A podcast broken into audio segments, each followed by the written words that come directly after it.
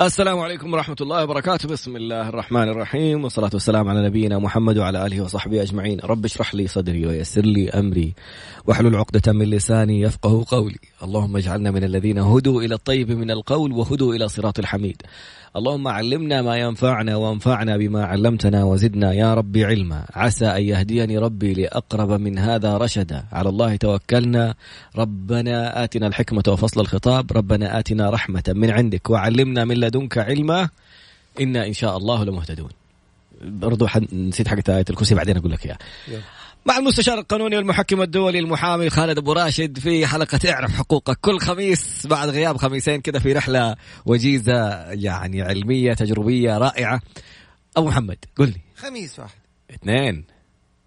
خميسين؟ خميسين أيوه صحيح خميسين صحيح. طيب يلا. أهلا وسهلا بك طراد وبالسادة المستمعين أو اللي بيتابعونا في مختلف وسائل التواصل وإن شاء الله يا رب تكون حلقة مفيدة. يا رب. يلا نبدأ الحلقة على طول يا طراد وهو الأسبوع الماضي يمكن كلنا تابعنا هاشتاجات أصبحت ترند أو رقم واحد وهي هاشتاجات التحرش.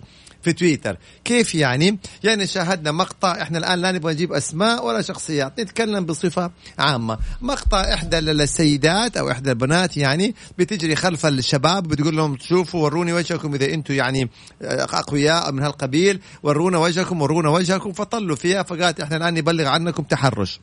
هذا المقطع يعني انتشر وأصبح ترند وبعدين أصبح هنالك جدل كبير في هذا المقطع.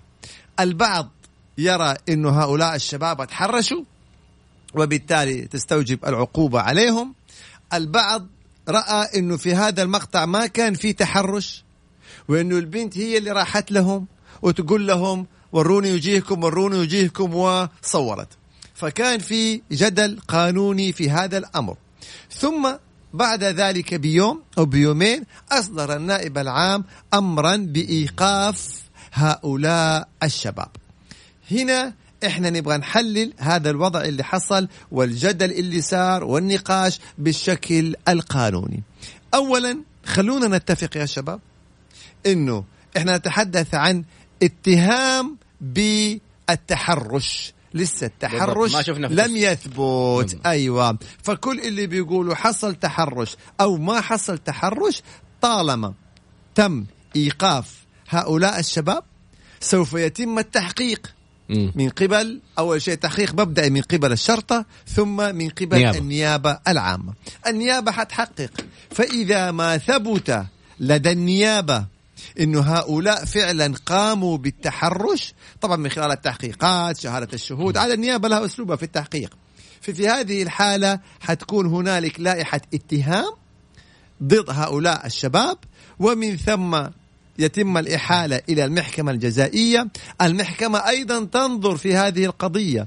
فإذا ثبت للمحكمة أن هنالك تحرش حكمت بإيه؟ بالعقوبة حسب نظام التحرش من سجن أو غرامة أو كلاهما.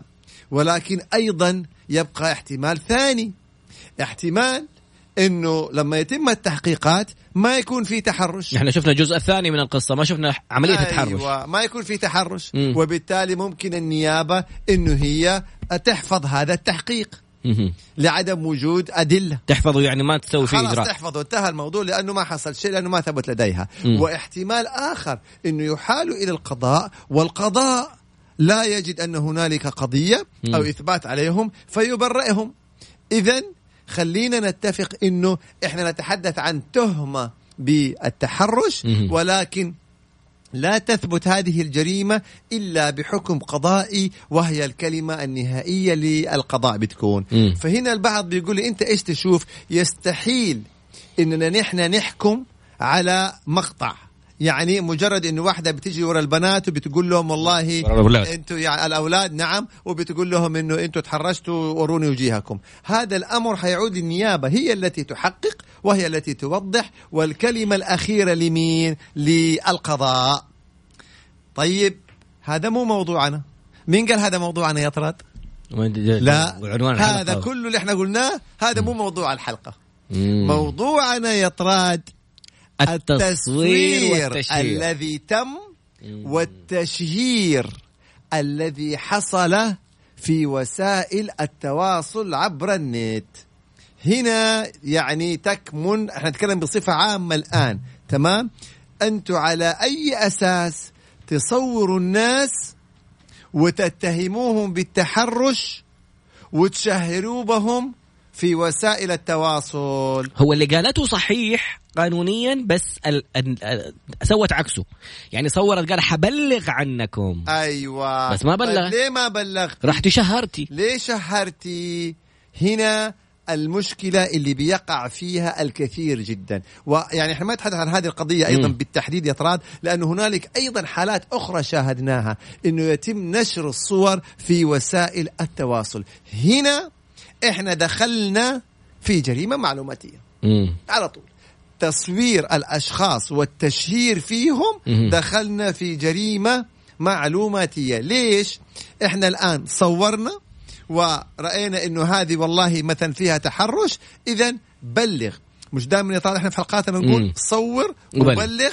لا تصور وتشهر فإحنا نتحدث بصفة عامة قد يكون الشباب ارتكبوا جريمة تحرش وقد لا يكونوا ارتكبوا جريمة تحرش. يبقى ده إيه؟ موضوع يعود إلى النيابة والقضاء. ولكن أيضا ما قاموا به من تصوير الطرف الآخر ونشر هذه جريمة معلوماتية. وفيها غرامة تصل إلى نصف مليون وفيها سجن يصل إلى سنة في الحد الأقصى أو إحدى هاتين العقوبتين.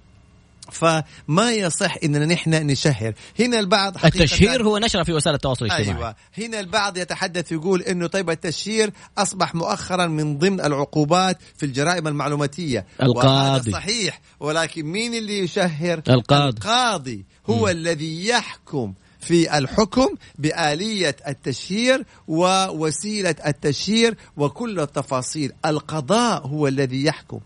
أما إنه نحن نيجي ونتهم الآخرين وبغض النظر من صحة هذا الاتهام من عدمه تمام؟ إحنا نرتكب جريمة أخرى. يعني فرضا فرضا بنقول فرضا ثبت عليهم التحرش. طيب ما هو ممكن أنتم يصدر عليكم حكومة؟ حكومة. يصدر عليكم عقوبة بجريمة معلوماتية بالتشهير. فهم يتعاقبوا واللي صور يتعاقب. فهذه المسألة أتكررت عدة مرات فخلونا إحنا ننتبه تماما. نصور ونبلغ بدون ما ننشر. بدون ما ننشر. إذا أنت نشرت أنت ارتكبت جريمة حتى وإن كان اللي صورتهم مجرمين واكبر مجرمين أنت ارتكبت جريمة. فانتبهوا يا شباب لهذه الأمور. هذا الجانب الأول. يلا أبدأوا سجلوا أسئلتكم. نأتي للجانب الثاني.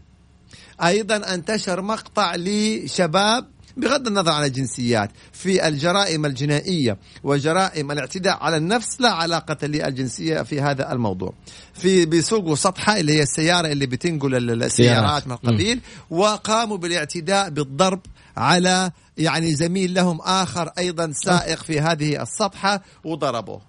طيب هنا إحنا نتفق الآن إنه هذه جريمة اعتداء على النفس وتحال إلى النيابة العامة وحيصدر فيها اتهام وتحال إلى القضاء ويحكم القضاء بالتعزير عاد من سجن وجلد أو يعني إحدى هاتين العقوبتين. هذا الأمر يعود إلى القضاء. نفس المشكلة. وهم بيرتكبوا الجريمة صوروها وصوروا نفسهم هم بيضربوا ال- زميلهم ونشروها بتفاخر. ثبتوا على نفسهم. يعني أنا يعني أنت بترتكب جريمة وبتفضح نفسك وبتثبت على نفسك وبتشهر بنفسك. بنفسك. طيب هنا أصبح الآن أمامنا أمامنا جريمتين يا طراد. يعني مساكين ما حيوجه لهم فقط لا غير تهمة الأعتداء على النفس. كمان كمان أيضا ممكن جريمة معلوماتية لأنهم صوروا الشخص بدون اللي. ضربوه. بدون. ونشروا صوره في وسائل التواصل. فأصبحت بدل جريمة هذه جريمتين يسموها انتهاك خصوصية؟ نشر بالضبط. مم. انت بتصور إنسان وبتشهره في وسائل التواصل ليه؟ وكمان بتضربه ويعني بتهينه وتنشر تشهر به فبدل الجريمة أصبحت جريمتين. نفس الشيء في الحالة الأولى. بدل ما ممكن إذا ثبت التحرش يتعاقبوا ممكن يكون أمام جريمتين. المتحرشين يتعاقبوا إذا ثبت وأيضا اللي صوروا يتعاقبوا. في هنا في النقاش أيضا كان في جزئية مهمة وهي البلاغ الكيدي. مم. البلاغ الكيدي. أنا لو اتهمت ناس بالتحرش وثبت أن هذا البلاغ كيدي وما في تحرش. إيش الوضع في هذه الحالة؟ أنت أشرت لي إعلانات الفقرة القادمة بعد قليل. بعد الإعلانات. شكوى من متابعي الأستاذ خالد أبو راشد بعدم إجابة أسئلتهم؟ من-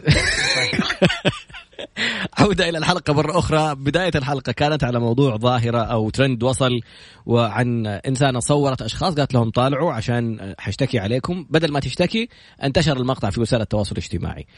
الشكوى إني أبلغ للجهات الرسمية. نشر المقاطع في وسائل التواصل الاجتماعي يعتبر جريمة تشهير. يعني أنا لي حق ممكن أضيعه بإني أرتكب جريمة. فعدنا وأسئلة مختلفة ومتنوعة. توقفت عند سؤال قبل الإعلان؟ الكيدية. امم طبعا ممكن إحنا ما نتكلم في هذه الواقعة تحديدا بصفة عامة تمام؟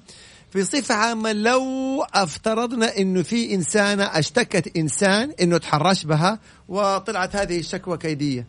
أو العكس لو أن إنسان اشتكى انسانة إنها تحرشت به وطلعت الشكوى كيدية. سوف يعاقب صاحب الشكوى الكيدية في جريمة التحرش بنفس عقوبة المتحرش.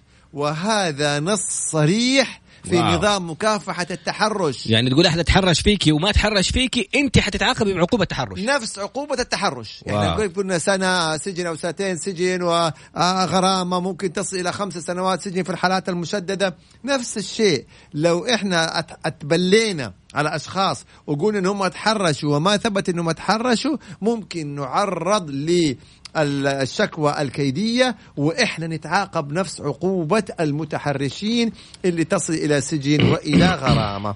هذه في جزئية إيش؟ البلاغ الكيدي. الأسئلة الجميلة الحقيقة.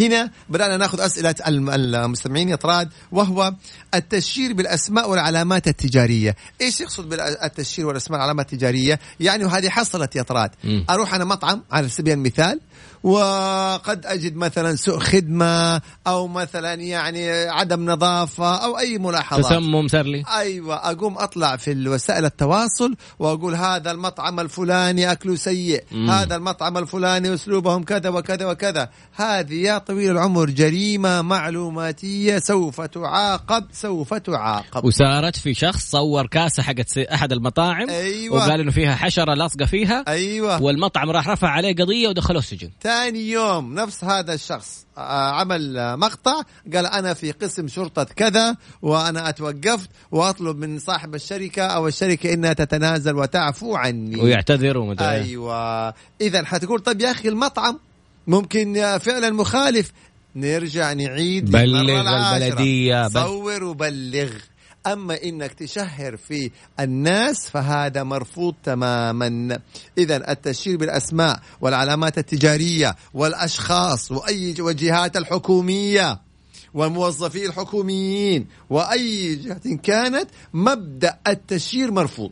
مبدأ التشهير مرفوض. لا سبب لك لأن تشهر بأي من كان سواء كانوا جهات أو أشخاص.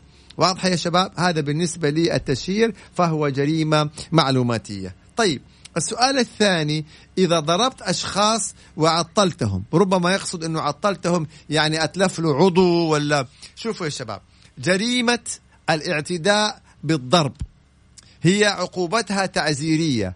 التعزير لدينا في الشريعة يبدأ من التوبيخ في المجلس الشرعي ويصل إلى القتل تعزيرا. طيب إيش المعايير في العقوبات؟ يعني إيش اللي يخليها سنة ولا اثنين ولا ثلاثة ولا أربعة ولا عشرة؟ حسب الضرر. إذا أنت اعتديت على إنسان وكان الضرر خفيف فحتكون العقوبة ممكن أيام ممكن شهر ممكن كذا. إذا كان في أضرار أكبر العقوبة حتزيد. عطلت له والعياذ بالله ولا اتلفت له أعضاء حتصل عقوبة السجن إلى سنوات. غير طبعا التعويض اللي هو القرش حق هذا العضو. غير الموضوع طبعا تكلمت عن جريمة موجب للتوقيف إذا كانت الاستشفاء أكثر. أكثر من 15 يوم فأكثر فحيفضل موقف وعلى النيابة هو موقف ويتحول على القاضي هو موقف. اذا طول فترة المقصود. التحقيقات ما حتخرج بكفالة ولا حضورية ولا أي شيء. هنا الشباب بيسألوا إيش معنى تعزير؟ إيش الفرق بين التعزير وبين الحد؟ الحد هي العقوبات التي وردت نصا في القرآن الكريم. يعني القاتل يقتل قصاصا حد مثلا شرب الخمر حد الزنا. هذه كلها عقوبات محددة وردت في القرآن الكريم هذه تسمى حدود. هذه خلاص. أما العقوبات التي لم ترد في القرآن الكريم وفوض فيها ولاة الأمر فهذه تسمى تعزيرا تقديرية. يعني الآن كل العقوبات اللي نشوفها بموجب الأنظمة تحرش وغيره وغيره هذه كلها تعتبر عقوبات تعزيرية اللهم في منها ما هو مقنن بموجب الأنظمة وفي منها ما هو متروك لسلطة أو تقدير القضاء. هذا الفرق بين التعزير وبين إيه، الحد. لا كلها بتكون أحكام شرعية. للوقاية من انبراشاتك نبغى نتفق على فقرة وفقرة. آه. فقرة أسئلة أنا وفقرة أسئلة أنت. طيب عشان يعني هذا. طيب كلام جميل. آه. طيب okay من والله أسئلة كثير وتفاعل رائع الحقيقة. ممتاز. أول يعني. سؤال. مم. يقول هل من القانوني أنه أحد الشركات يشترط جنسية غير سعودية لوظيفة السكرتارية؟ لا إحنا هنا نرجع لهذا تصنيف يعود لوزارة العمل. عرفت كيف؟ okay. في مهن مسعوده لا يجوز لصاحب الشركة أن يعين عليها غير السعوديين ففي مهن مسعوده آه مسميات أيوة طبعا وفي هنالك مهن أخرى لا مقبول إنه يكون سعودي أو غير سعودي. فأنا لي الخيار إنه بحط غير انت باخذه إيه؟ أما إذا كانت من المهن اللي مم. هي المسعوده يعني المقصود المسعوده إنه مشترط عليها إنه يكونوا سعوديين مم. فلا يحق تعيين غير السعودي عليها مستأجر لا يدفع الايجار أين اشتكيه؟ على طول في المحكمة في المحكمة العامة جميل. في المحكمة العامة مباشرة. والآن اللي عندي أنا ولا لا نخبي الأسئلة فقرة جاية إيه طيب. السؤال بس كمان نقطة مهمة. مم. الآن في عقود اسمها تأجير. إذا كان العقد إلكتروني أيوه. على محكمة التنفيذ. على طول. العقد الإلكتروني الآن اللي هو تأجير ها أنت ريحت راسك. أي أحد يبغى يأجر أي شخص ثبت عقودك في الإلكترونيا أه وفاء من كان اسمها تقول الجهات تتأخر. أنت بتقول ليش الناس تشهر تصور وتشهر؟ تقول لك أحيانا الجهات التنفيذية تتأخر. تتأخر. بسلامتها ولا ندخل السجن. بالضبط. تتاخر على على أقل من مهلها. وفي النهاية العقوبة حتصير حتصير. بس مو أنا عشان هي لا تتأخر أقوم أنا أدخل في جريمة ثانية. أنا أنا ذاتي ما من الآخر كذا يعني. أنا ذاتي ما مستعجل يقول لك. آه بالضبط هذا الكلام. طيب آه، ما الفرق بين الدفاع عن النفس والاعتداء؟ أنت بتقول الرجال بيدافع عن نفسه ولا بيعتدي أيوه هذه مسألة حيقدرها جهات التحقيق. حسب التحقيقات تمام طبيعي إحنا نتكلم عن الاعتداء لما أنت تبادر الآخرين بالضرب م. أنت اعتديت عليهم م. الآخرين حيدافعوا عن نفسهم م. يبقى هنا أصبح إيه هم بيدافعوا عن نفسهم هنا حسب التحقيقات مين اللي بادر ومين اللي دافع. وهذه فيها تفاصيل كثيرة يعني. مم. والدفاع عن النفس يجب أن يكون بقدر كف الأذى. كف الأذى ودفع الأذى. مم. مو ترجع تكمل عليه وتقتل وتقول كنت دافع عن نفسي. لا نتوسع في مسألة الدفاع عن النفس هذه فيها تفاصيل جنائية كبيرة جدا. أنا موظف استقبال في مستشفى وأحيانا بعض المراجعين يجي يسب ويشتم ويقذف. هل بإمكاني أث... طبعا ترفع عليه قضية في المحكمة الجزائية وسوف يحكم عليه تعزيرا حسب الجريمة اللي ارتكبها كان قذف ولا اللي كان سب ولا من هالقبيل. حتقول لي طيب كيف يثبت؟ عندنا أكيد إذا أنت في مستشفى في كاميرات أول آه. شيء تصوير. هذه الآن أصبحت وسيلة إثبات وإذا في شهود أيضا. مم. نعم الحق حق. ما يبغى لها كلام. أنا طيب. موظف في تقرير أكتب تقارير في المستشفى وجاني موظف حكومي يقول لي غير في التقرير المواط المقيمة اللي موجودة هذه عشان يصير صالح إني أقدمه للداخلية وأخذها يا كزوج ساتر تزوير. كزوجة أيوه. هذا تزوير. انتبه أي تعديل في الحقائق والمعلومات إلى حق... إلى معلومات غير صحيحة تزوير. يعني وكأنه يا غالي المدير هذا بيقول لك روح أدخل السجن. أولا ابدا على طول. فانتبه تماما من ب... هذه الجزئية. وعرض عليه مبلغ. هل بامكاني اتهمه بالرشوة؟ وعرض عليه مبلغ. هذه طبعا رشوة وت... رشوة على المدير هو مو مدير هو مو... اللي يكون. هذه رشوة طبعا رشوة على طول. هذه جريمة رشوة رشوة لتغيير الحقائق على طول. رشوة. ما هي مدة عق... العقود؟ بلاش أنا بلاش خلاص قلنا الفقرة دي حديك فاصل وتطلع فقرة جاية. يعني. طيب. طيب مدة العقود الإدارية في المنافسات. هذه أول مرة أسمعها. ولا أنا ماني السؤال مو واضح.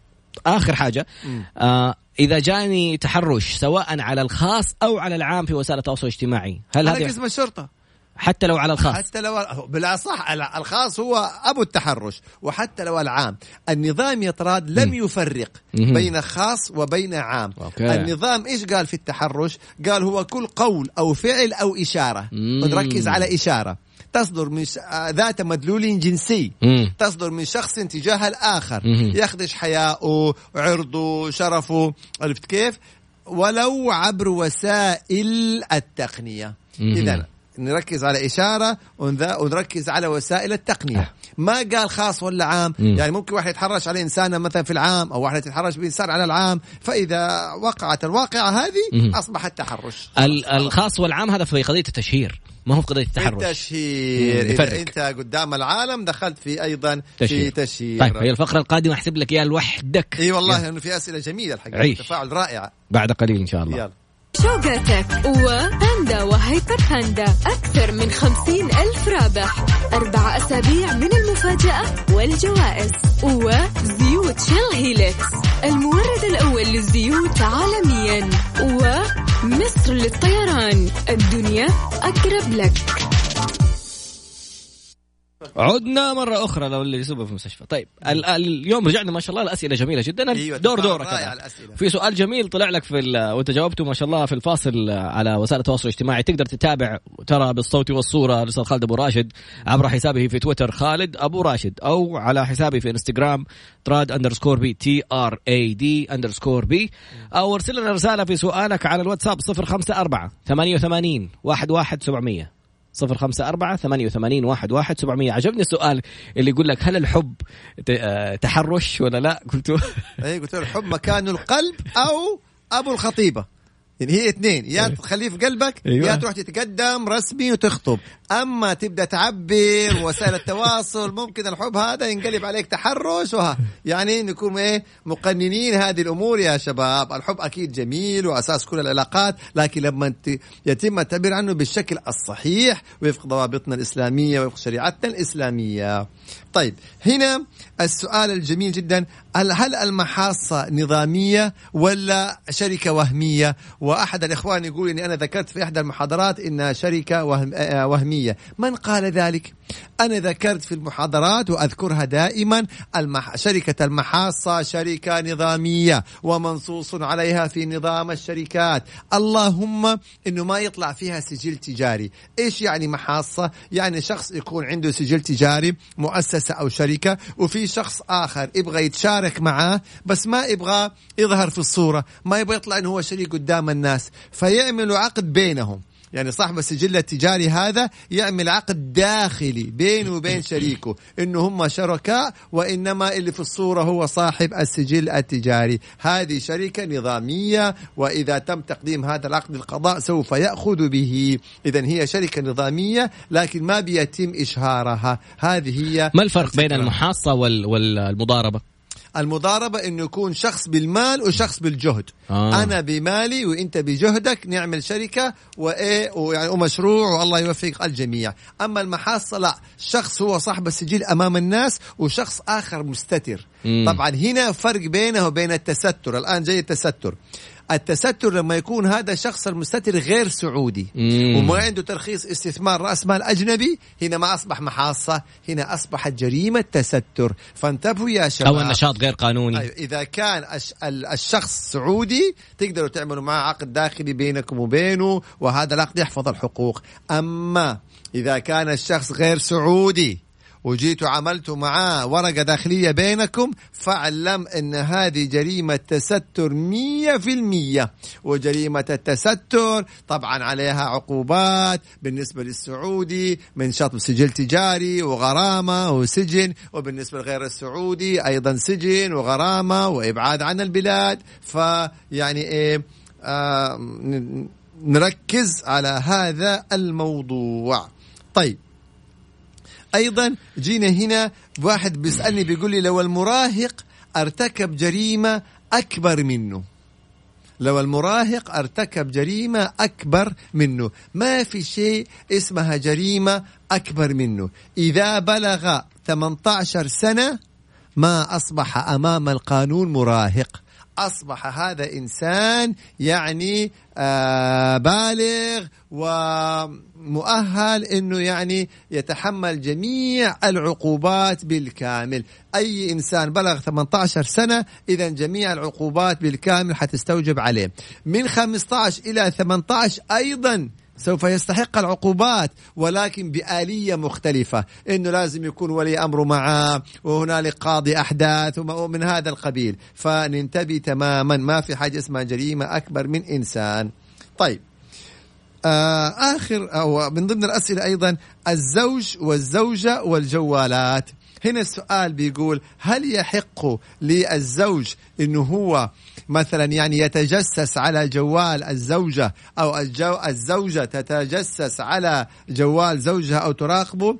أنا أسألكم سؤال هل نظام مكافحة الجرائم المعلوماتية استثنى, أستثنى الزوج أو الزوجة من هذه الجرائم؟ ألم ينص النظام على أن الدخول غير المشروع على حسابات الآخرين تعتبر جريمة؟ وأن التنصت والتجسس على حسابات الآخرين تعتبر جريمة؟ ما استثنى النظام. معناها أنه الزوجة نحط خطين دخلت على جوال زوجها أو حسابه دون أن يعلم فهذه جريمة جنائية ويحق للزوج أن يقاضيها والعكس صحيح. بدينا في المشاكل. دائما هذا الموضوع يجيب مشاكل. واحدة تقول رفعت الصوت عشان أمي تسمع. ما هذا الكلام. والعكس صحيح. لو الزوج تجسس على جوال زوجته والزوج أكيد والزوج بعد. بالضبط. تمام؟ فهذه جريمة معلوماتية. وذكرنا أن هنالك سيدة اكتشفت أن زوجها عنده برنامج إنه أي اتصال يجي عليه. على جواله على الزوجة يعني أو رسالة. مم. فقدمت فيه شكوى ونيابة ومحكمة جزائية وهم متزوجين. فهذه المسألة لا علاقة لها بالعلاقات الزوجية. هذه جرائم معلوماتية. التنصت والتجسس هذه كلها جرائم معلوماتية. تذكر يا طراد لما قلنا واحد كان في السيارة ثم اكتشف إنه زوجته حط عليه تسجيل وجميع مكالماته وجميع تفاصيله فقام اشتكاها فانتبهوا يا شباب يعني أيضا يعني خلصت فقرتك. أيوة نعم. الفقرة الجاية فقرتي. طيب. طيب ممنوع. أي تجاوب جزاك الله خير وخلاص. بعد قليل إن شاء الله. عدنا مرة أخرى ويعني مشاركات بصراحة جميلة. حلقة ثقافية متنوعة نعم. وأسئلة مختلفة. إيه، جميلة متنوعة جدا جميلة. السؤال الأول إحنا في حلقة اعرف حقوقك على Mix FM مع المستشار القانوني المحكم الدولي المحامي خالد أبو راشد. آه، شاهده صوتا وصورة على حسابه في تويتر خالد أبو راشد أو على آه، في حسابي في انستغرام طراد underscore B T R A D underscore B أو على أرسل لنا رسالة آه، على الواتساب 054 88 11700 اولا واحدة تقول كيف نقاضي أو آه، نسائل المشاهير في مصداقية الإعلانات؟ يروح يقول لك آه المكان رائع المنتج رائع مدري إيش. ويطلع الموضوع غلط. يعني للأسف الشديد هذه ما نقدر نعتبرها جريمة ما نقدر يقول لك رأيي أنا عجبني. يعني هذا رأيي أنا الأكلة هذه عجبتني أنتم ما عجبتكم. يعني ما هنا في هذه الجزئية بالذات ما نستطيع إننا يعني نقاضيهم. تصويري بدون علمي محمد علي هل هذه جريمة؟ نعم. حتى لو ما نشرها؟ نعم.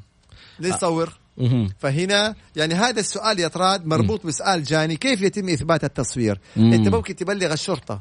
يا شرطة أو يا أمن أو يا كذا فلان صورني أو صور أهلي أو صور عائلتي. فيأتي رجل الأمن ويحتفظ بهذا الجوال. ما يفتش الجوال يحرز هذا الجوال ويحيل إلى النيابة. عضو النيابة فقط لا غير هو اللي من حقه يفتش. أن يفتش هذا الجوال مم. فإثبات التصوير يكون بأنك أنت تبلغ الجهات الأمنية فورا فيجوا ويمسكوا جوال هذا الشخص ويحيلوه إلى النيابة طب لو ما طلع فيه صور ما يعتبر كيدي؟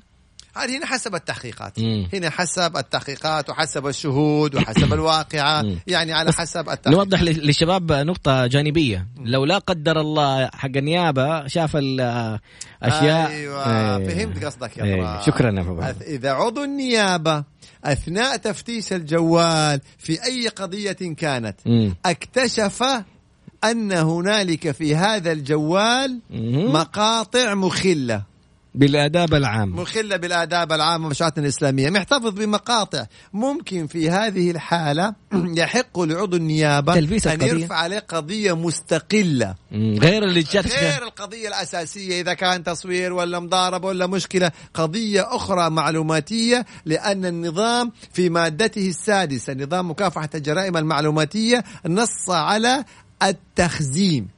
النشر والإنتاج وتخزين المقاطع أو بالأصح تخزين المقاطع. فبالتالي يعني مو مو لازم يكون فيديو ترى يعني صورة شيء. المقاطع ضعيفة. المخلة. عندي فكرة لشركة من الشركات وأبغى أقدمها. كيف أحمي حقوقي؟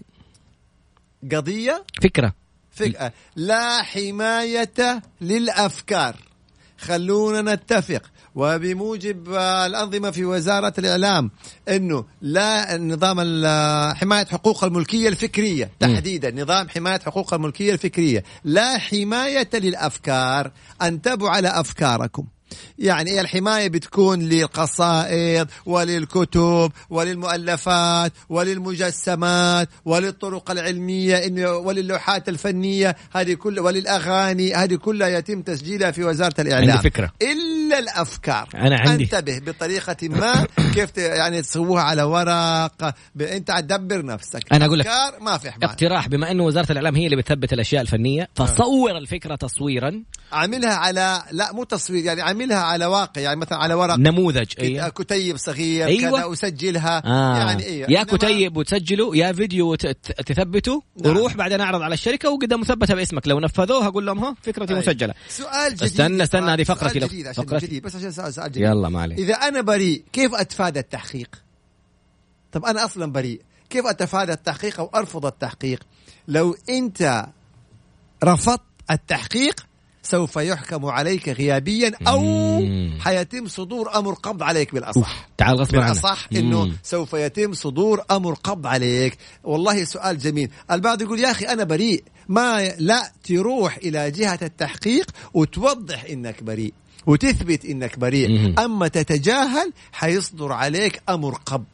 أيضا السؤال هذا فيه له شق ثاني. البعض يقول يا أخي رفع علي قضية ماني رايح ما معاه حق ما هو إذا أنت ما رحت ممكن يصدر عليك حكم غيابي لازم تروح وتبين آه مثلا إثباتاتك أو تبين صحة موقفك موقفك في. القضية فلا مبرر لتجاهل تحقيقات أي طلب من أي جهة رسمية يجب أن تلبي هذا الطلب.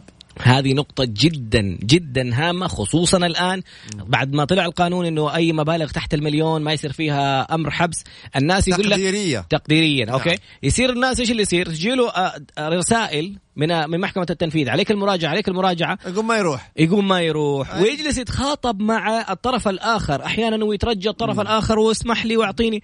يا سيدي إذا رحت إلى محكمة التنفيذ. وثبت. و- وثبتت أنت إنه أيوة. أيوة. إنه عندك نية السداد. ما أخذت مال الناس وتبغى تجري. القاضي حيعطيك المهلة اللي أنت تحتاجها بدون الرجوع للطرف الآخر. إذا شاف إنك أنت عندك المصداقية حيعطيك هذه الفرصة وتخرج بدون ما تحتاج ولا تعرض نفسك لأمر لأنه لو ما رحت ومرت مدة صار لك البلاغ وصار لك الإجراءات وقف الخدمات ومنع السفر والأشياء هذه كلها حتيجي فجأة تلاقي نفسك إنه عليك أمر قبض فانتبه روح للقاضي ممكن ما تحتاج أصلا تكلم الطرف الآخر إذا كنت بينك وبينه مشكلة في أمر جديد يا طراد كيف يتم إثبات سوء النية؟ الله. النية محلها القلب. كيف يتم إثبات سوء النية؟ جاوب يا طراد آه حسب تصرفك يعني إذا أنت أيوة. ما بترد وما بتجي وما سددت وما سويت وأيضا حتى في الجرائم الجنائية. أحيانا يقول لك إنه قام بالترصد ومثلا. طول الليل والمراقبة وقام بتجهيز مثلا كذا و- و- وسلاح من هذا القبيل فهذه هذه المؤشرات كلها تدل على إيش؟ على سوء النية، هذا مثال. مم. وممكن تكون هنالك أيضا أمثلة أخرى كشهادة الشهود وخلافه إنه إنسان لا اعتدى عليه ولا جاء ولا قرب منه نهائيا وهو راح بس فقط لغير تبلى واشتكى عشان يأذيه، فهذه شهادة الشهود تثبت إنه هذا الإنسان أيضا سوء النية، اذا سوء النية في بعض الوقائع نعم ممكن يتم إثباتها. وبال- وبالعكس كمان حسن النية ممكن في قضايا مثلا الحقوقية. نرجع. حسن النية. حسن النية ثبت يعني. أيوه وإثباتها كيف ممكن يحصل. القاضي ممكن يقول لك ادفع 20% من المبلغ وأنا أعطيك فرصة ثلاثة شهور ستة شهور سنة سنتين حسب حجم المبلغ وحسب قدرتك. فإذا عندك جزء من المبلغ لا تجلس تتفادى الرسائل وتدخل نفسك في مشاكل. هل الأحكام سؤال ثاني هل الأحكام على الذكور والإناث متساوية؟ الجنائية طبعا. تحرش مدري مين. كله بالضبط ابدا كل لم يفرق القوانين عندنا بين المرأة والرجل إلا مثلا في حالة الإرث. هذا عاد في الشريعة الإسلامية. لكن في القوانين الجنائية والعقوبات على المرأة زي ما هي على الرجل. أيضا مثلا في نظام العمل. مم. كان التفريق فقط لا غير في مسألة الولادة والإنجاب والرضاعة. هذه الحالات الخاصة فيها إجازات طبيعة المرأة. مم. نعم والإجازات فقط لا غير. أما غير كده في الجنائي أبدا العقوبة على المرأة زي على الرجل. لو الرجل تحرش يعاقب لو المرأة تحرشت تعاقب. مم. لو الرجل ارتكب جريمة معلوماتية يعاقب المرأة لو ارتكبت جريمة معلوماتية تعاقب. لا تفريق بين الطرفين إطلاقا في العقوبات الجنائية. شخص استلف مني مبلغ وارسل لي رسالة على الواتساب. إثبات. أنا استلفت منك مبلغ كذا كذا. هل يعتبر رسالة الواتساب دليل إثبات كانها ورقة دين؟ طيب إحنا اتفقنا الآن فيما يتعلق ب نظام مكافحة الجرائم المعلوماتية وأيضا نظام مكافحة التحرش فالواتساب هذا دليل ثابت مم. تمام أما فيما يتعلق بالقضايا التجارية والحقوقية فحيعود تقديرها للقضاء مم. يعني آه، كان في قرار من مجلس القضاء في هذا الشأن أنه يتم التعامل معها مثلها مثل الأدلة إذا كان صحيحة إذا كان باطلة. فهذا الأمر يعود إلى القضاء إن كان أخذ به أو كان ثابت أو صار عليه مثلا آه، إنكار أو يعني لبس في الموضوع. فهذا يعود تقديره للقضاء. الأفضل تأخذ ورقة وتوقع الأفضل طبعا ولو فيها ورقة شهود كمان. رسالة نصية لأن الرسالة النصية ال SMS ممكن الرجوع إلى أصلها من شركات الاتصال. نعم. أو الحوالات أو الشهود. في موقع Google Map اللي يوريك الخرائط حقت الأماكن أحيانا يسيب لك تعليق على أي مطعم على أي مكان. هل التعليقات على المطاعم وعلى الأماكن اللي موجودة في في موقع جوجل تقييم. لا هذه ما فيها مشكلة. لا تقييم غير وفي تعليقات. المطعم سيء المطعم نصاب المطعم غالي لا المطعم إذا هو نفس ال- المنشأة نفسها. عملت موقع لا، أو جوجل. سمحت. Google Map هذا الخرائط حق جوجل. إيه، يعني عارفه، عارفه. الان تبغى تجي Mix FM مثلا وتعلق عليه يعني. أيوه. والله هذه يبغى لها دراسة. مم. هذه تحتاج إلى دراسة. ليش؟ إذا كان المنشأة نفسها فاتحة الموقع وتقول أعطونا آراءكم يبقى لا تستطيع أنه هي تقاضي الناس لأنك أنت اللي إيه سمحتي بذلك. إذا كان تقييم ثلاثة نجوم أربعة نجوم قيم الخدمة okay. يبقى ده أنت من حقك. لكن رأي لذيذ وغير لذيذ إيه. ما عجبك؟ إيه، رأي بالضبط. شخصي. إيه. لكن إذا في جوجل مثلا وإنت إذا كان نقد مم. أيضا ما فيها شيء مم. بس إذا وصلت إلى اتهام لا هذه أكيد حتكون فيها مخالفة الاتهام هو إنك تقول إنهم بيرتكبوا جريمة أيوه بيرتكبوا جريمة أو تسب. مثلا لحم حمير بيطبخوا مدري إيه. لا أنت كذا ما دخلت في هذا طيب دخلت شخص في يقول لك. حصلت عملية اختلاس في بنك وصار التحقيق وبعد تسع سنوات جاءت براءتي هل بإمكاني أن أطالب البنك بتعويض طبعا الأصل في التعويض طبعا إحنا اتفقنا له عده شروط مم. أول شيء وقوع الخطأ والسببية والضرر مم. نعم فإذا اكتملت هذه الثلاثة الأمور مم. نعم من حقه يطالب طب هل. هذا يعتبر كذا فهنا إحنا ما نفس الحيثيات. وايش الملابسات وهل إنه مثلا اتهام كان باطل من الأساس أو كان الموضوع فعلا فيه له لبس لكن نتكلم بصفة عامة إنه التعويض لازم يكون فيه خطأ وفي سببية وفي ضرر إذا اكتملت هذه الثلاثة الأركان اذا في هذه الحالة إيش؟ يعني وجب التعويض أو استحق التعويض. حصل علي اعتداء في الشارع كيف أثبت؟ إحنا هنا نتكلم عن الاثبات عاد هذه وسائل الإثبات. هل عندك شهود, شهود؟ أو تصوير. هل في كاميرات في تصوير؟ صور ما أنت. في شهود ولا في تصوير ولا في أي شيء. حلف اليمين. حلف اليمين الشرعية إنه لم يعتدي عليك. هذا يعني آخر شيء. هل يحق لي أن أشتكي على جاري الملقوف لا ما في حاجة اسمها يعني مصطلح ملقوف. هي ماذا قام به جارك؟ إيش التصرفات؟ هل قام جارك بالاعتداء عليك بالتنصت عليك بمثلا توجيه كاميرات منزله على منزلك؟ نعم. أما غير كذا لا.